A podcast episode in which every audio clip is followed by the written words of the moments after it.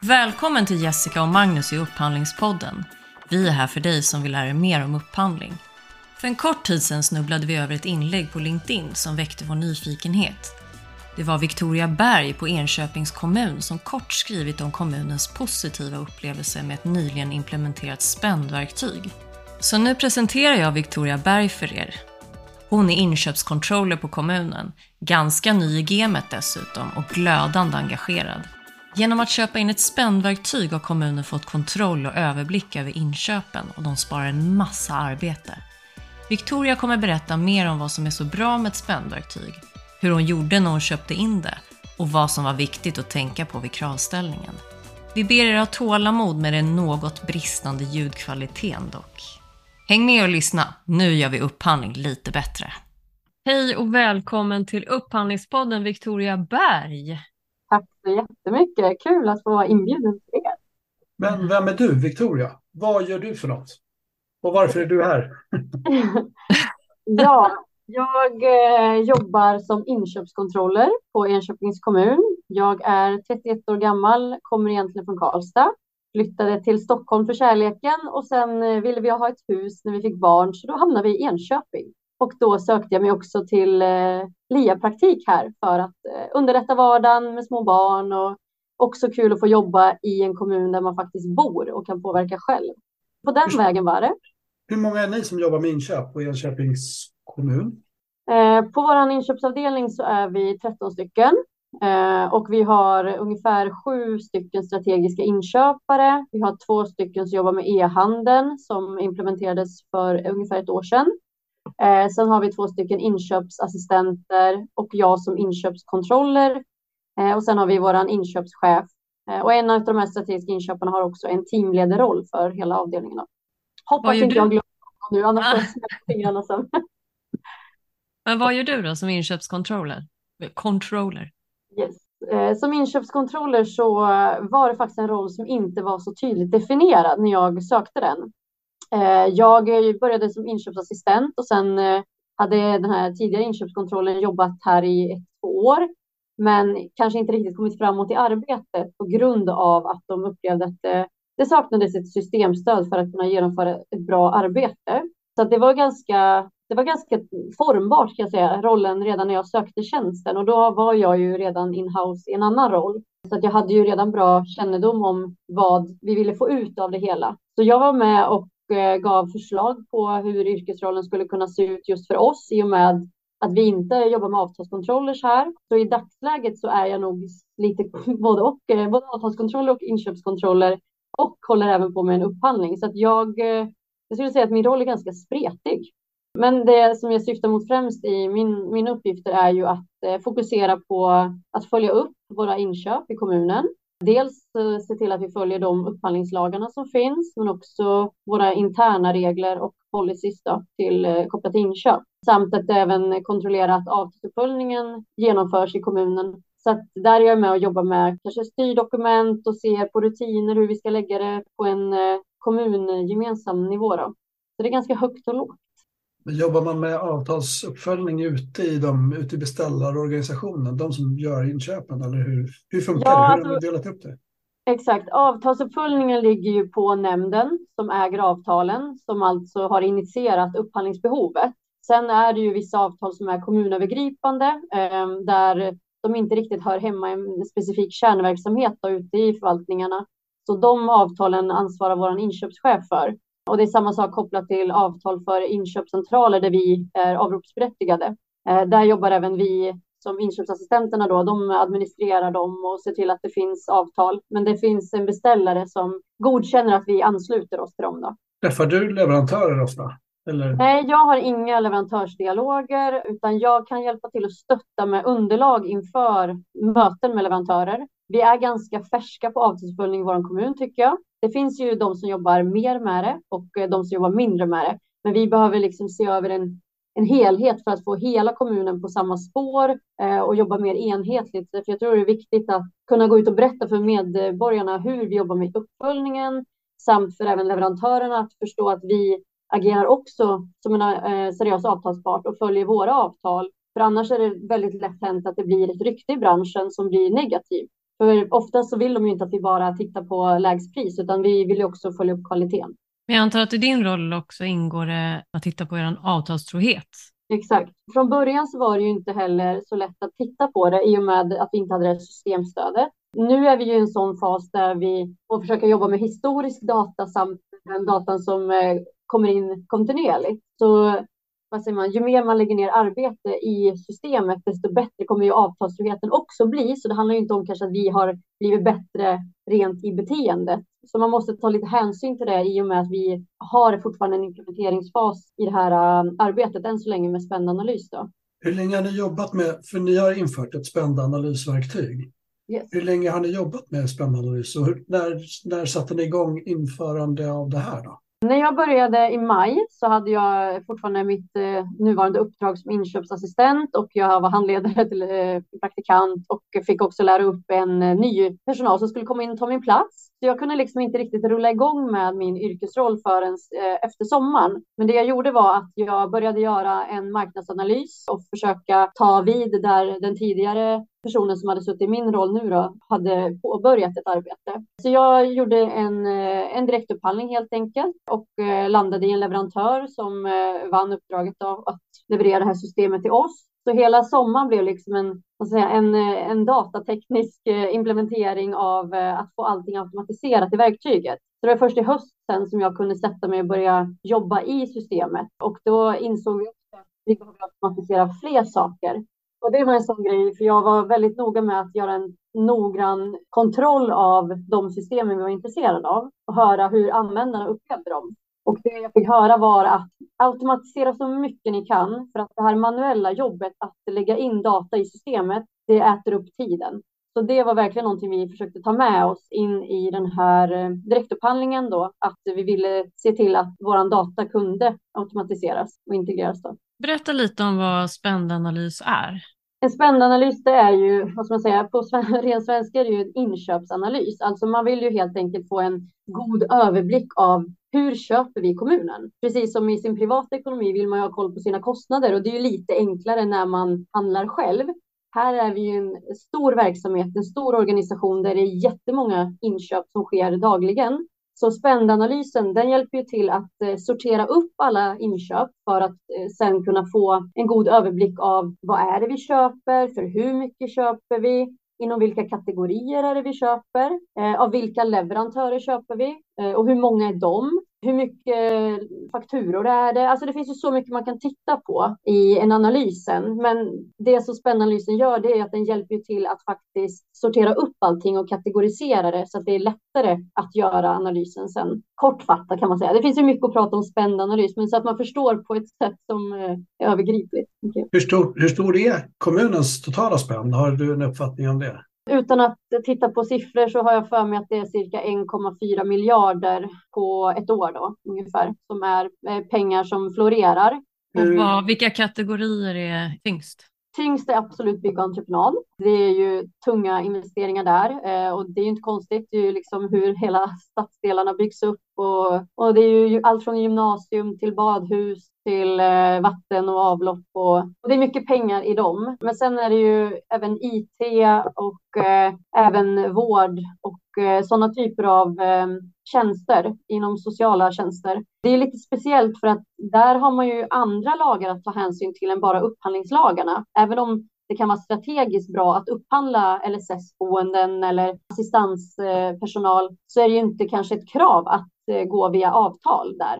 Så man får tänka lite utifrån mitt perspektiv som inköpskontroller så försöker jag ju titta på kostnader som vi kan påverka i form av upphandling och eh, avtal helt enkelt. Men det är ett annat perspektiv utifrån att det går att jobba strategiskt med det om vi vill ha ett avtal. Eh, och det går att få in mycket bra kravställning för att säkerställa att eh, Ja, att leverantörer gör ett bra jobb helt enkelt. Och det kan ju, det kan ju vara företag som jobbar lokalt och även eh, våra medborgare är anställda hos. Så det är ju en liten cirkel där att försöka få kontroll på det. Mm.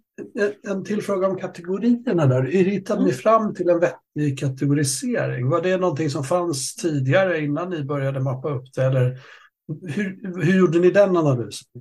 Just kopplat till kategoriträdet, så ja. jag eh, har hoppat in, eh, som sagt, jag har jobbat eh, på min position i ett år. Det fanns ett kategoriträd från början som var bearbetat tillsammans med ett nätverk som heter Uppsam. Det är många grannkommuner kan vi säga som samarbetar och då är det också utifrån att man har många avtal gemensamt. Jag tycker kanske inte riktigt att det är rätt väg att gå, för vi måste också se till vår egna kommuns inköp eh, och försöka hitta ett eget träd. Så det är ett arbete som pågår där vi försöker se över vi har det kategoriträdet att utgå ifrån, men jag märker att det inte är fullt komplett. För man måste faktiskt få en bild av vad är det vi köper för att veta hur vi ska lägga upp kategorierna så att det blir att det matchar. Det är ingen idé att ha massa kategorier där det är övrigt, för då kommer vi inte få ut någonting av det.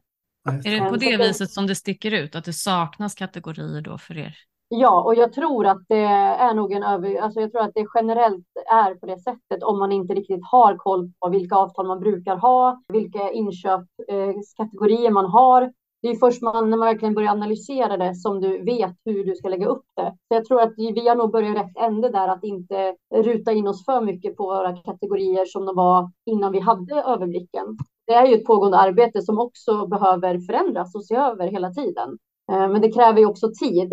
Eh, I vårt verktyg där vi jobbar, där jobbar man eh, inte utifrån kontoplan och lägger in konto kopplat till kategorier, utan vi lägger ju och jobbar med någonting som heter UNSPSC-koder, vilket är ju ett väldigt detaljerat globalt kodverk, eller man ska säga. Om man har hört CPV-koder förut så är det ju, den koden berättar egentligen vad för typ av produkt eller tjänst man har köpt. Och det är det vi kategoriserar utifrån i analysverktyget på fakturaradnivå. Så att då blir det mer detaljerat helt, eh, helt enkelt tycker vi. Så det är ett jättebra mm. stöd i vårt system. Då.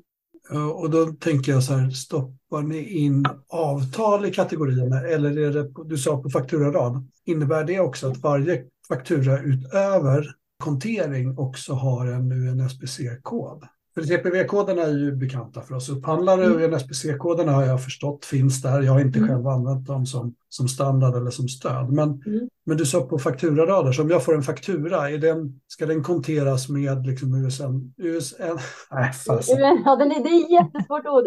UNSPC. Nej, så det. När, eh, vi har ju tagit in våra avtal i systemet och även våra fakturor eh, från ekonomisystemet efter att de har bokförts. Så bara rena betalningar vill vi ha in i systemet. Mm. När väl eh, det, ett organisationsnummer dyker upp i en faktura, då letar den även på avtal om det matchar med ett organisationsnummer som vi har med leverantör. Gör det det så blir det eh, av, ja, leverantörstrohet. Men för att sedan titta på avtalsfriheten, vi faktiskt köper rätt produkt eller rätt tjänst på det avtalet, då måste jag gå in och säga till systemet vad vi får köpa. Så jag lägger in de här koderna på avtalet och sen det systemet gör det är att den har byggt upp som ett eget eh, kod, eh, som ett stort nät där liksom alla fakturarader trillar igenom.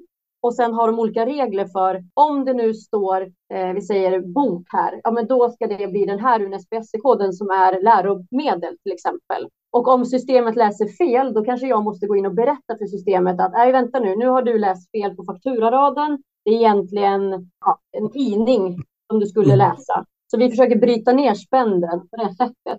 Och systemet har ju de här reglerna, man måste ju styra dem också. Och är det globala regler som systemet har gjort, eller våra leverantörer i systemet, så kanske vi måste vara med och hjälpa till att styra dem om det slår fel.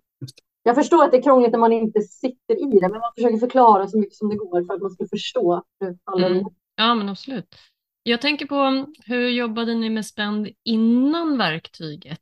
Eh, gjorde ni det? Har ni jobbade liksom... vi inte så mycket med spänd innan verktyget. Och det här var ju på grund av att man tyckte att det var för stora mängder data att hantera. Eh, och eftersom vi också hade bara en, eh, en person som jobbade på den här rollen, att hantera den datamängden alldeles ensam, jag menar det är ju otroligt många liksom, fakturor vi pratar om i och med den här stora summan av inköpsvärde eller inköpsvolym. Så att det som var svårt var ju att sortera bort de kostnader som inte ska analyseras. Och då pratar vi ofta om kostnader som heter ej påverkbart spend. Och det är ju kostnader kanske mellan kommunala bolag eller mellan myndigheter. Eh, det kan ju vara skolplatser och så vidare. Det är ju ingenting man vill ha med i analysen. Det skulle krävas ett ganska stort manuellt jobb att göra det och man bygger ofta stora Excel-filer. Jag vet att många företag som inte jobbar med system, de sitter ju jättemycket i Excel och försöker bygga upp det här och eh, Många tar hjälp av externa företag för att göra spännanalyser. Men jag tror ju verkligen på att ett system som kan hjälpa till med det så har man ju det här rullande hela tiden. För att en spännanalys, den gör du ju inte en gång och sen är du klar. Så tar du in en extern part som ska göra det här så står du där sen och behöver göra om dem ett år. Då är det ju en kostnad som fortfarande kommer komma igen. Jag tror ju mer på att tjäna och liksom spara pengar på att köpa in ett system som du får stöttning av och i det här fallet så har ju vi jag tror vi sticker ut lite. Vi har ju verkligen automatiserat allt vi kan. Alltså många lägger in sina avtal manuellt. Eh, många måste uppdatera sina, sina kontoplaner, för de förändras ju hela tiden. Det kan ju komma nya projekt, vilket sker ju väldigt ofta. Eh, och allt det där är ju liksom data som måste in. Och att göra en automatisering från ekonomisystemet och de, att de pratar tillsammans, det underlättar så mycket, för då kan jag lägga fokus på att göra det jag är bäst på. Att få koll på det här liksom data göra analyserna och hitta mm. avvikelser. Mm. Vilket system valde ni till slut? Exit har vi valt. Det var ju just för att de kunde titta ner på fakturaradsnivå. Okay. Vad hette det sa du? Spend by Exit, Det betyder egentligen att man eh, bryter ner spänden liksom. Eh, krossar den typ så att man kan få titta. Och det är ju för att man ska kunna gå ner på detaljnivå och de har ju även stöd för prislistor eh, om man jobbar med artiklar. Vilket ibland så får man ju, i e-handel så får man ju oftast det stödet om man har e-handel i sin där har man ju artikel, eh, prislistor och artikellistor som ska in och då kan man få en differens om det avviker i fakturan så att man kan titta på prisavvikelser och följa upp då och jobba med uppföljning. Men även systemet stödjer ju det här också. Då. Så vi, vi tycker att det har varit otroligt fördelaktigt i och med att det har varit, jag ska säga, spännanalysen ska inte bara vara för en inköpskontroller eller kanske controllers, utan det ska ju vara ett stöd för hela organisationen mm. och speciellt chefer som har budgetansvar att faktiskt få koll på hur handlar mina medarbetare och köper vi på avtal? Eller hur många leverantörer handlar vi av i den här kategorin? Kan vi minska det? För även om man pratar om att styra det och öka en avtalstrohet så är det ju också viktigt att tänka på att arbetstid kostar otroligt mycket pengar. Effektiviserar vi våra, vår arbetstid väl, eh, lägger vi liksom tid på rätt saker så kan vi ju spara pengar även där. Att få bort de här köp på stan och minska liksom all den här hanteringen av att lägga upp nya leverantörer för ekonomiavdelningen och sånt, det är ju en stor del av det också. Har ni något krav på er att eh, maxa här många leverantörer per det här antalet kronor? Nej, alltså vi är ju så pass nya med det här så vi har inte kommit till själva analysen riktigt heller. Eh, nu kommer vi göra det i 2023, men det är ju jätteviktigt arbete att få in verksamhet i det här och förstå nyttan med eh, att jobba med spännanalyser. Eh, och vikten av att verksamheterna tar sitt ansvar i det här också, jobbar i systemet och det är ju för att alltså, det, är, det är omöjligt för en person att ha koll på allas avtal, vad man får köpa, hur funkar allting. Ehm, de, de som är avtalsägare ska ju ha bäst kännedom om sina egna avtal eh, och även ha ett tätt samarbete med leverantörerna just för att bygga bra relationer.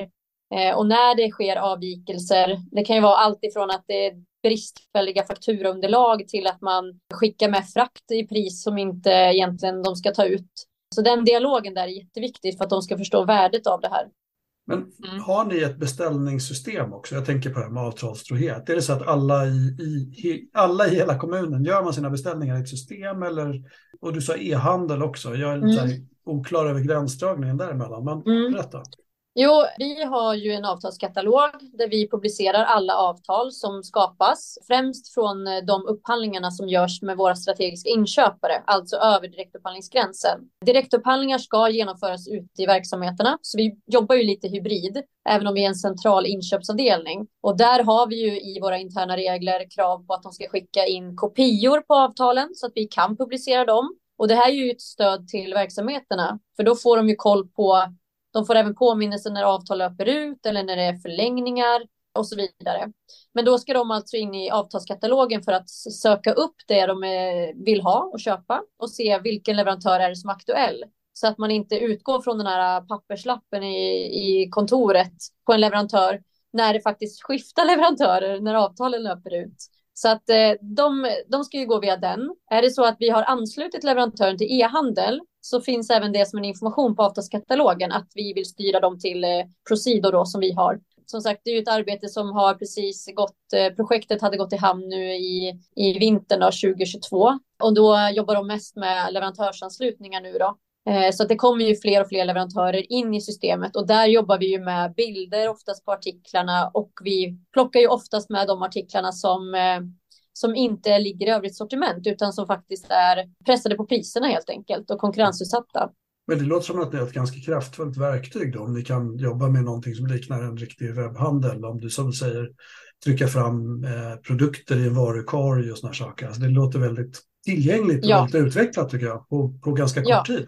Absolut, och där jobbar man ju med oftast tumme upp eller tumme ner. Man kan lägga in även olika kravmärkningar om man kanske har miljömärkta produkter eh, och vill utgå från vissa saker på, på det viset. Då. Så att det, är ju, det ska ju vara ett, ett bra stöd tyck, tycker vi. Och det gör ju också att vi får bättre koll på inköpen för att du tvingas ju in där för att handla.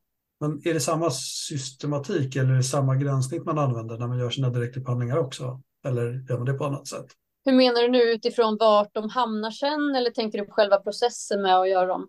Jag inser, frågan blev nog bakvänt ställd. Jag bara mm. tänkte, för, för ni håller med det som är avtalat och ni håller med det som är sortimentet som är upphandlat mm. och sådär. Så, så det, det, förstår jag. Nej, jag bara funderade på vilket gränssnitt man gör sina direktupphandlingar för att de ska vara spårbara egentligen. Om jag är långt ute i en förvaltning någonstans i kommunen, gör mm. ett köp som är en direktupphandling för att det passar mig just då, förstås mm.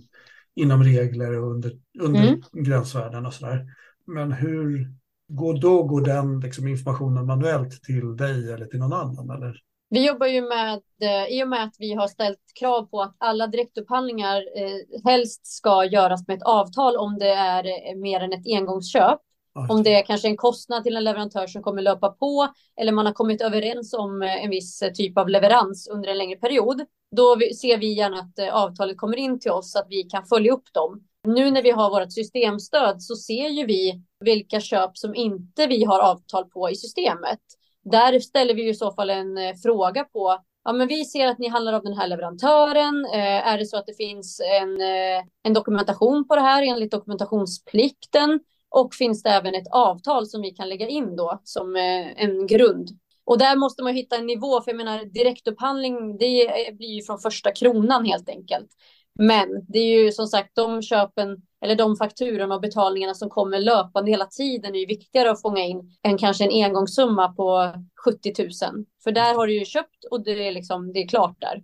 Mm. När vi pratar om att mäta spänn och sånt där, mäter ni beställt, mäter ni fakturerat? I vilka skeden har ni valt att mäta spännen? Än så länge har vi inte plockat ut vilka nyckeltal vi ska jobba med, men det man liksom enkelt kan se och mäta, det är ju dels hur avtalstroheten ser ut. Mm. Eh, och där kan man ju titta per avdelningsnivå och bryta ner det i organisationen, vilket gör ju att det skapar ett engagemang hos eh, verksamheten. För de vill ju gärna visa på när du faktiskt får en tydlig dashboard med de här diagrammen, det lyser grönt, det lyser rött och gult, då vill man gärna få de här gröna fina staplarna så det skapar ju ändå ett, eh, ett engagemang och en kontroll som jag tror är väldigt uppskattad. För många chefer, vad jag har lyssnat in, saknar kontroll på avtalsbiten och inköpen. Man sitter ju och attesterar i sitt dagliga jobb, men över den här helheten är svår att fånga upp tror jag. Men du menar att det här verktyget då alltså visualiseras på ett sätt som verksamheterna sen kan se? Det är inte bara ni som följer upp det, utan det går Precis. ut? Ja. Tanken är så här att eh, jag har ju skapat inlogg till de personerna som ska kunna gå in och titta på det här. Det kan vara cheferna i avdelningarna. Det kan vara deras controllers. Det kan vara personer som har väldigt god kännedom om avtalen och ekonomin. Tanken är att de ska logga in i sitt system. Eh, vi kan begränsa så att de bara ser i analys sin egna eh, spänd men kan jämföra sig med avdelningsgrannarna för att se hur man ligger till så att det blir lite det här morot och piska, att man ser att ah, men vänta nu, vi, vi ligger bra till och det här är ju någonting som, alltså så fort man köper något nytt så, så kommer det ju eh, reglera sig. Så man måste ju hela tiden följa upp det. Jag vet att vår största förvaltning, eh, samhällsbyggnadsförvaltningen, de vill ju gärna kanske jobba med det på en eh, månadsbasis där man faktiskt följer upp det här och jobbar mot uppföljning, vilket även är en prioriterad punkt i våra politiska mål och så då, att vi ska jobba med avtalsuppföljning och avtalstrohet så att man försöker sätta det även i styrningen då, att det blir av. Jag tror att det är viktigt att man jobbar mot en tydlig inköpsstyrning så att det involverar allihopa. Det är ett gemensamt ansvar. Men hur många avdelningar är det då som har koll på det här och hur många personer är det som kan logga in? Oj, oj, oj, oj, oj. nu ställer du en svår fråga. Nej.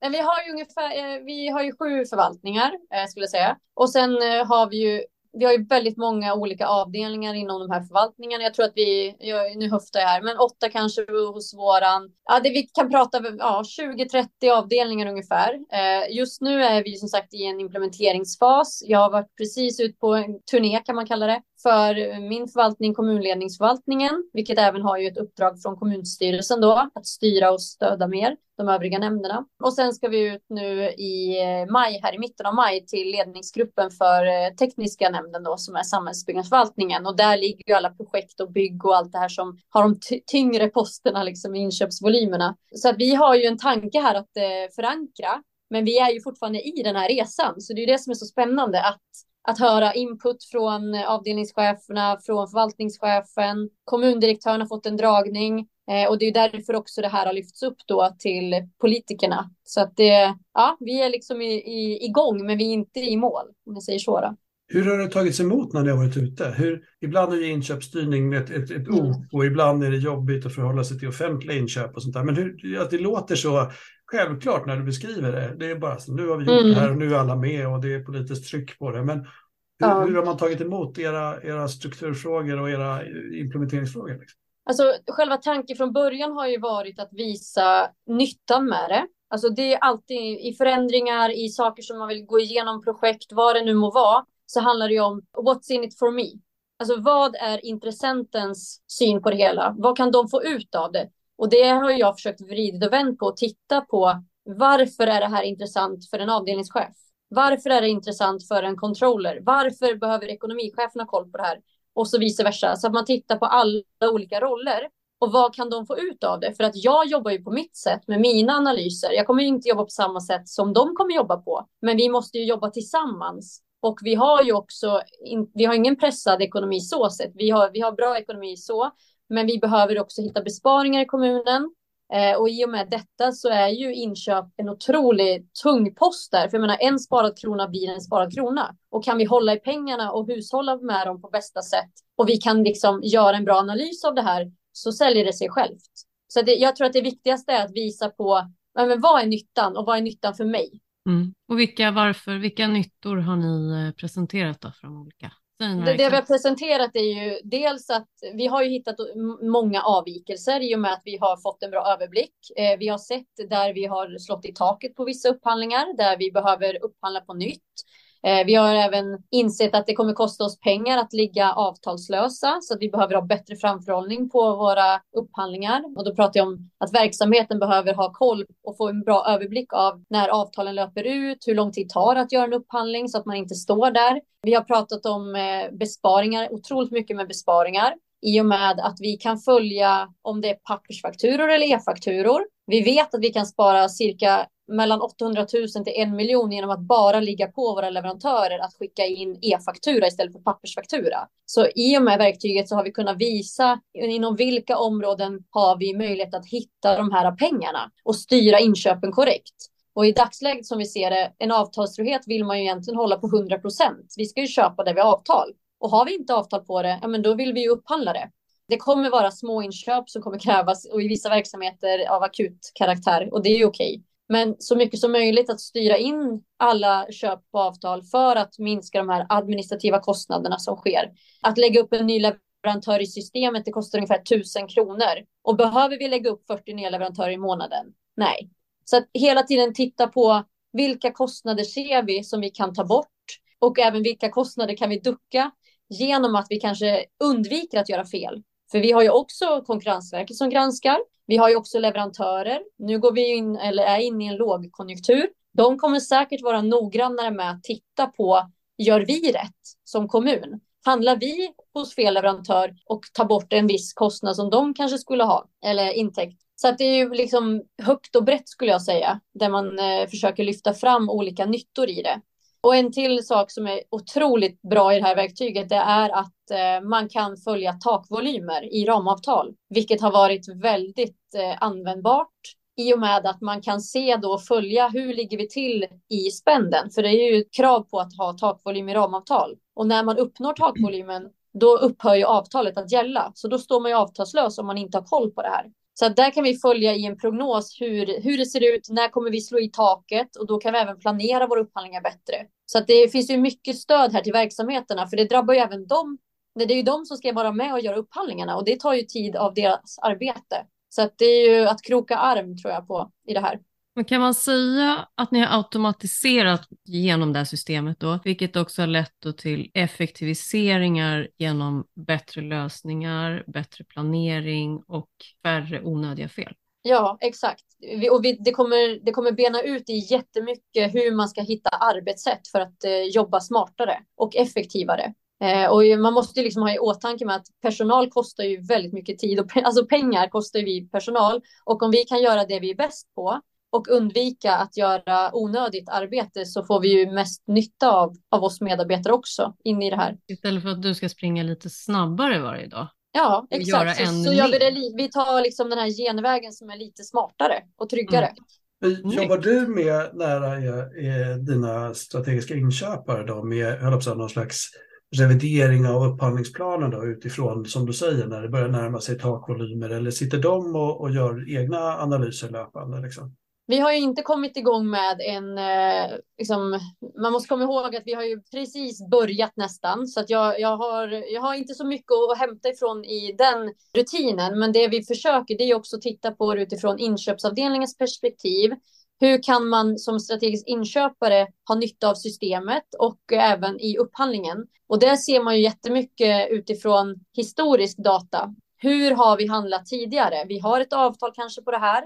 Har vi handlat på avtal eller är det fler leverantörer som vi köper av? Är det leverantörer som vi kanske behöver gå ut med en RFI till så att även vi upplyser dem om att vi kommer nu ha ett avtal kommande så att vi liksom fångar deras intresse. Det, det ökar konkurrensen och således pressar vi priset. Och samtidigt också för att titta på vilka typer av produkter är det vi köper. Vi kanske har kravställt fel. Det kanske är så att vi tror att vi handlar det här, men nej, egentligen handlar vi jättemycket på övrigt som vi inte har lagt in i utvärderingen.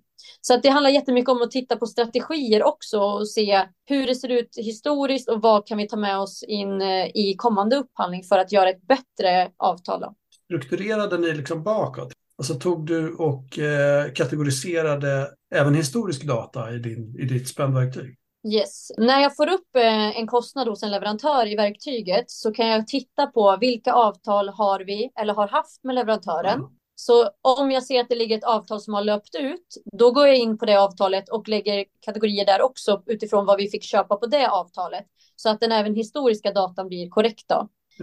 Så att vi, vi jobbar ju historiskt också och det, eftersom det är väldigt många avtal, jag tror vi har över 500 avtal i systemet nu som ska kodas, så har jag ju börjat i den änden där vi har mest spänd utifrån att vi vill ha en, en bättre tillförlitligare data att utgå ifrån då. Hur så många... vi, vi har ju inte gått igenom alla våra avtal ännu, utan vi har ju en väg att vandra där då, fortfarande. Hur många andra system hämtar det här systemet information ifrån? Två system. Det är vårt ekonomisystem, Unit 4, eh, Agresso.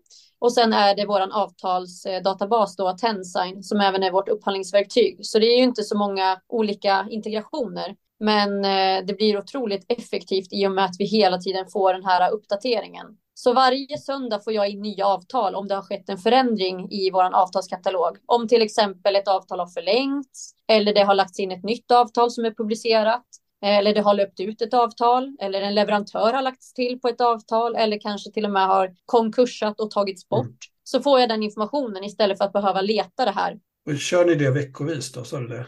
Avtalen åker in varje söndag medan eh, fakturorna kommer in varje dag. Då. Mm, mm. Men ni behövde, by, behövde ni bygga egna integrationer eh, med Agresso och med Tensign eller, eller var, har ni någon form av brygga eller datalager däremellan? Liksom? Nu är jag ju inte så datateknisk. Jag har fått hjälp av min objektsledare för IT i hela vår upphandlingsprocess och hon har stöttat jättebra i vilken kravställning vi ska ha, hur datan ska tas hand om, hur det kommer funka. Men jag vet att vi har i alla fall eh, kopplat till ekonomisystemet så har ju vi en SFTP dit de lägger våran data och sen hämtar då Spendbike City datan därifrån. Eh, kopplat till avtal eh, eh, avtalsdatabasen så har vi TACE. Eh, vet vad det, jag vet vad det heter, men jag vet inte vad det innebär. Och där hämtar då Spenva Excitia, Excitia istället data från, av, eh, från Tensign. Så okay. den, vi köper bara ifrån eh, Tensign att de ska lägga ut vår data tillgänglig för Spenva Excitia att hämta den då. Så jag brukar, jag fick en bra förklaring på det här. När man inte är it-proffs själv så kan man se det lite som ett postfack, att någon går och lämnar någonting där i och så kommer vi att hämta det när vi vill ha det.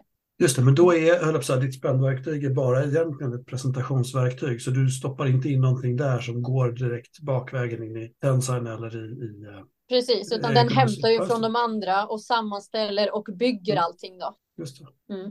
Ja, utmärkt, vad, vad bra. Vilket, det låter otroligt effektivt. Du är otroligt pedagogisk ska jag säga. Ja. det är jätte, eh, men men det, det, är lite svårt att veta. Så du beskriver att ni har börjat ganska nyligen.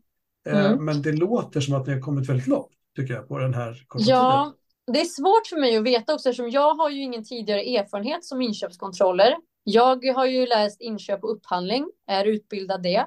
Så att, att vara inköpskontroller känns, det finns ju ingen färdig utbildning på det paket. Så jag har ju liksom gått ifrån egen verktygslåda här och jobbat eh, och eh, vi har ju ett forum tillsammans med leverantörerna där vi alla användare i systemet kan dela information, erfarenhet eh, och sådär. Så att när man hör sig för så låter det som att vi har kommit långt. Men jag, jag kan liksom inte säga ja eller nej på den frågan, för jag vet inte hur, hur de andra jobbar. Det jag vet är bara att det är en otroligt tung manuell hantering hos många andra mm. som vi har duckat genom att eh, faktiskt lägga en liten extra kostnad på det som inte alls är så pass stor så att det är liksom det är några pengar att prata om. Mm. Hur mycket kostar ett um, sånt här verktyg? Eh, nu kan jag inte utan till, men jag har för mig att det är cirka 20 000 om månaden eller någonting liknande. På, på fyra år kommer vi ju upp till 650 000 ungefär. Så får ni mm. göra matteräkningen där då. Mm. Och det stora jobbet med att implementera och så, det är en, det är en engångsperiod och sen så blir det besparingar. Yes. Mm. I och med att i början måste du ju sitta och försöka detaljsätta varenda avtal. Men när du väl har mm. gjort det så avtalen löper ju oftast på en längre period tills du behöver göra det igen och behöver du göra om det då vet du ju lite utifrån den historiska datan hur det sett ut om man inte har ändrat helt i kravställningen. Mm. Så att det finns ju så mycket mer att liksom spara in på tid då när man väl har gjort jobbet en gång. Och det är ju, det är ju lite mer krävande i början. Jag kan omöjligt vara detektiv i alla avtal och i alla projekt. Därav så krävs det här samarbetet med verksamheterna för att jag ska bara kunna göra den själva administrationen i systemet. Bara de berättar hur det ser ut för dem med kostnaderna och vad de är kopplade till vilka avtal och så vidare. Ett sådant exempel skulle kunna vara Atea, att man har fem olika avtal med Atea och och eh, de grejerna vi köper har sina specifika namn där jag kanske har väldigt svårt att koppla ihop till vad är, vad är det vi har köpt och vilket avtal är det på? För jag behöver ju bena ut då vad för kod jag ska lägga in på avtalet för att berätta att vi faktiskt får köpa det här. Så där behöver man ju liksom de som sitter och beställer och har kännedom om avtalet för att koppla de här eh, fakturorna tillsammans med avtalen så att det blir att rätt spänd hamnar på rätt avtal. Mm. Men det verkar ju som, som sagt som att ni har kommit ganska långt. Men har ni saker kvar att göra? Vad, vad är det för något? Det vi har kvar att göra i systemet är ju att jobba mer med vårt kategoriträd. Vi sitter med det i dagsläget och försöker sortera in eh, kostnaderna per kategori och även bygga på kategoriträdet mer utifrån vad vi ser. Och sen har vi ju påbörjat spändanalyser nu för att få en bra överblick av hur det faktiskt ser ut då. Eh, och där jobbade vi jobbar vi lite med 80-20-regeln för att se vilka leverantörer är våra liksom, största som eh, står för en 80 procentiga av spenden ungefär. Då. Så så försöker vi lägga upp det.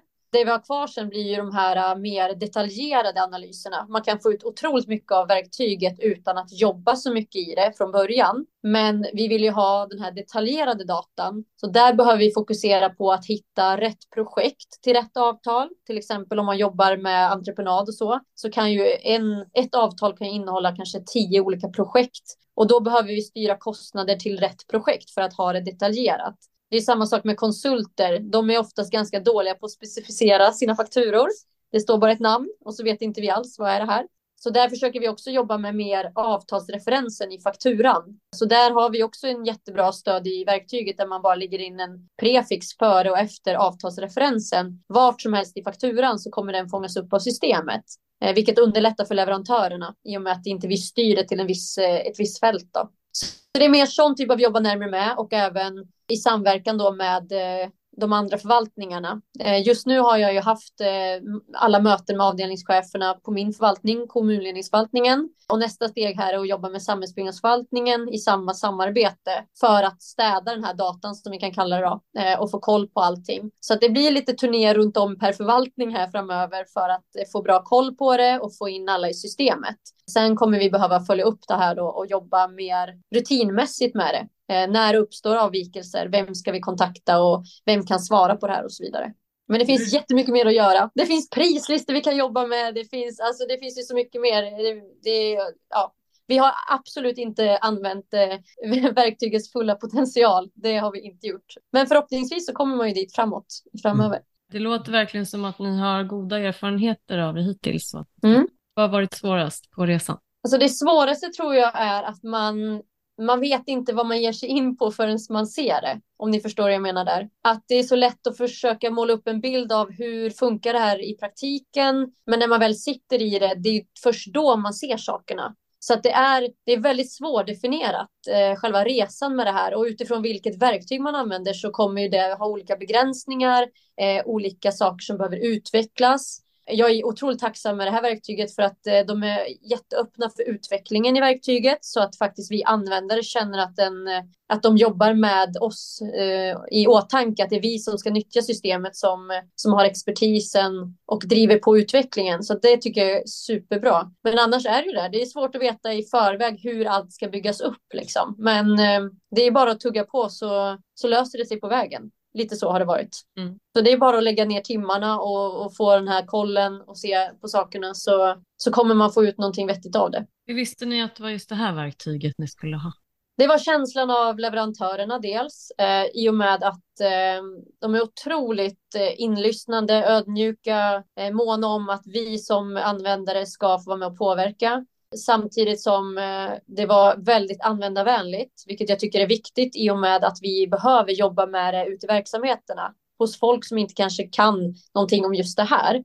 Så att, att bara få att verktyget bygger upp jättemycket olika diagram. Det finns enkla klickar på grejer så kommer det fram saker. Ja, men användarvänligheten var jätteviktig, men också det här med att de faktiskt läser på fakturaraden och att de jobbar med alla olika dimensioner. Man kan kolla på konton och titta på de dimensionerna. Man kan analysera de olika ansvaren. Vi kan titta på endast attestanterna, hur det ser ut för dem. Det går att vrida och vända på så mycket, så det var liksom, det var, det var nog det som gjorde, och helheten liksom, att, eh, att det föll på det här systemet. Och sen var de, de hade lägst pris också, så det var ju det vi utvärderade på också. Men vi hade en bra kravställning från början.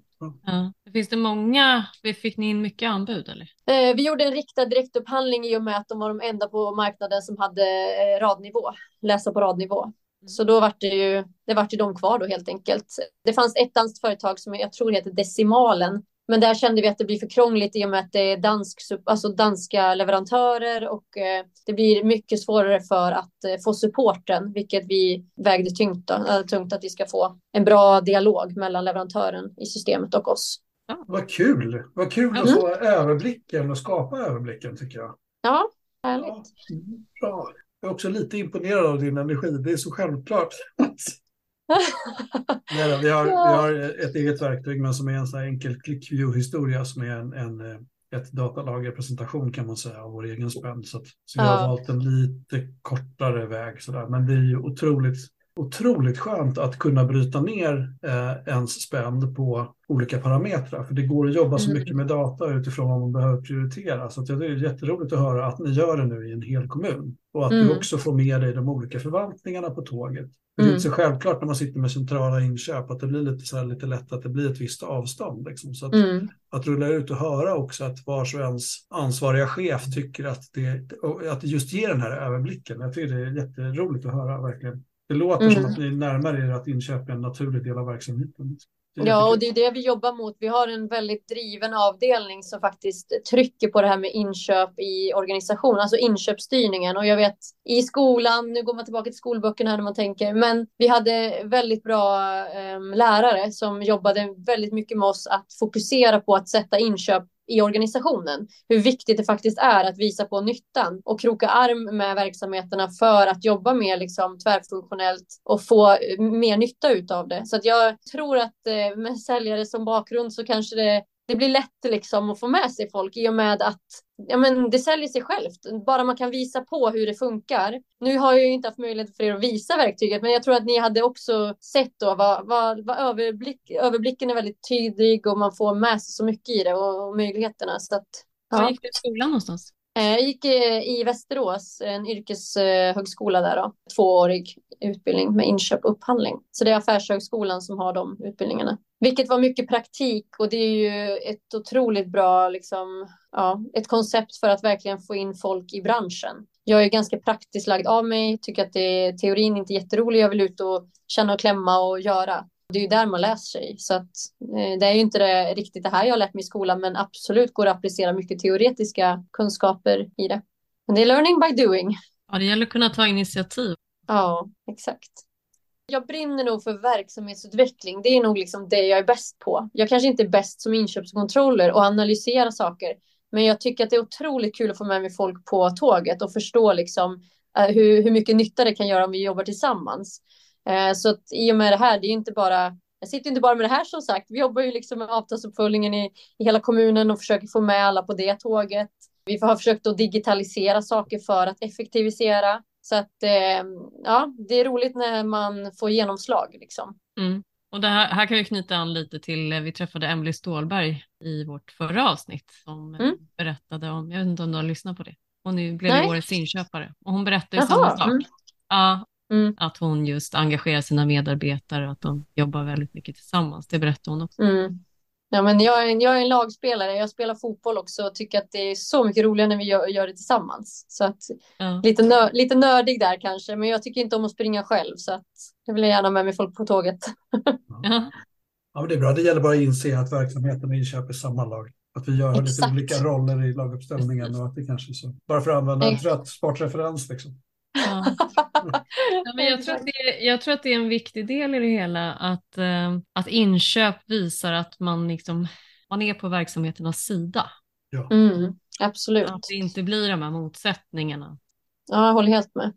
Ja, jättekul tycker jag. Jättebra mm. bra beskrivet. Ska ja. vi känna att vi är alldeles mätta och trötta nu för Ja, men jag tyckte det var, jag, jag, jag är klar. Jag, ja, vi kan allt nu. Vad bra, vad skönt. Det var ju klart då. Tack för att du var med. Tack snälla för att jag fick vara med. Jättekul att få prata lite spändanalys med er. Och jättekul ja. att höra om ett bra exempel på spändanalys. Kul! Ja, kul! Vi hoppas vi kan inspirera fler att göra samma resa. Ja, det hoppas jag verkligen. Och i och med eh, de här sociala kanalerna så sprider man ju lätt eh, budskap, det vet ju ni. Så att det är jättekul när folk hör av sig också och vill komma och höra mer. Så vi har några besök inbokade och lite möten med andra kommuner som vill lyssna mer. Så jag hoppas att eh, fler vågar höra av sig också om man har frågor och är nyfiken på vår resa. Ja, mm. och hur når man dig då? Du kanske inte vill lämna ut ditt telefonnummer här? Men... Nej, man hittar mig väl eh, om man söker på Enköpings kommun så finns jag ju med som eh, anställd här då eh, och mina uppgifter går ju att få om man kontaktar kommunen. Alternativt så finns jag ju på LinkedIn då som mitt namn Victoria Berg. Toppen. Jättetack Toppen. och trevlig helg nu. Ja, tack. Ja, men tack detsamma. Tack för att du lyssnat. Vi hoppas att du lärt dig massor och att kanske några nya frågor väckts. Tveka inte att höra av dig till oss. Vi finns på lyssna.upphandlingspodden.se. Och du, berätta gärna för andra att podden finns. Vi tjänar inga pengar på den och därför finns det väldigt begränsade resurser till marknadsföring. Ett extra stort tack till Erik Stridell på Bybrick för vår fina jingel. Ha det bra, vi hörs igen.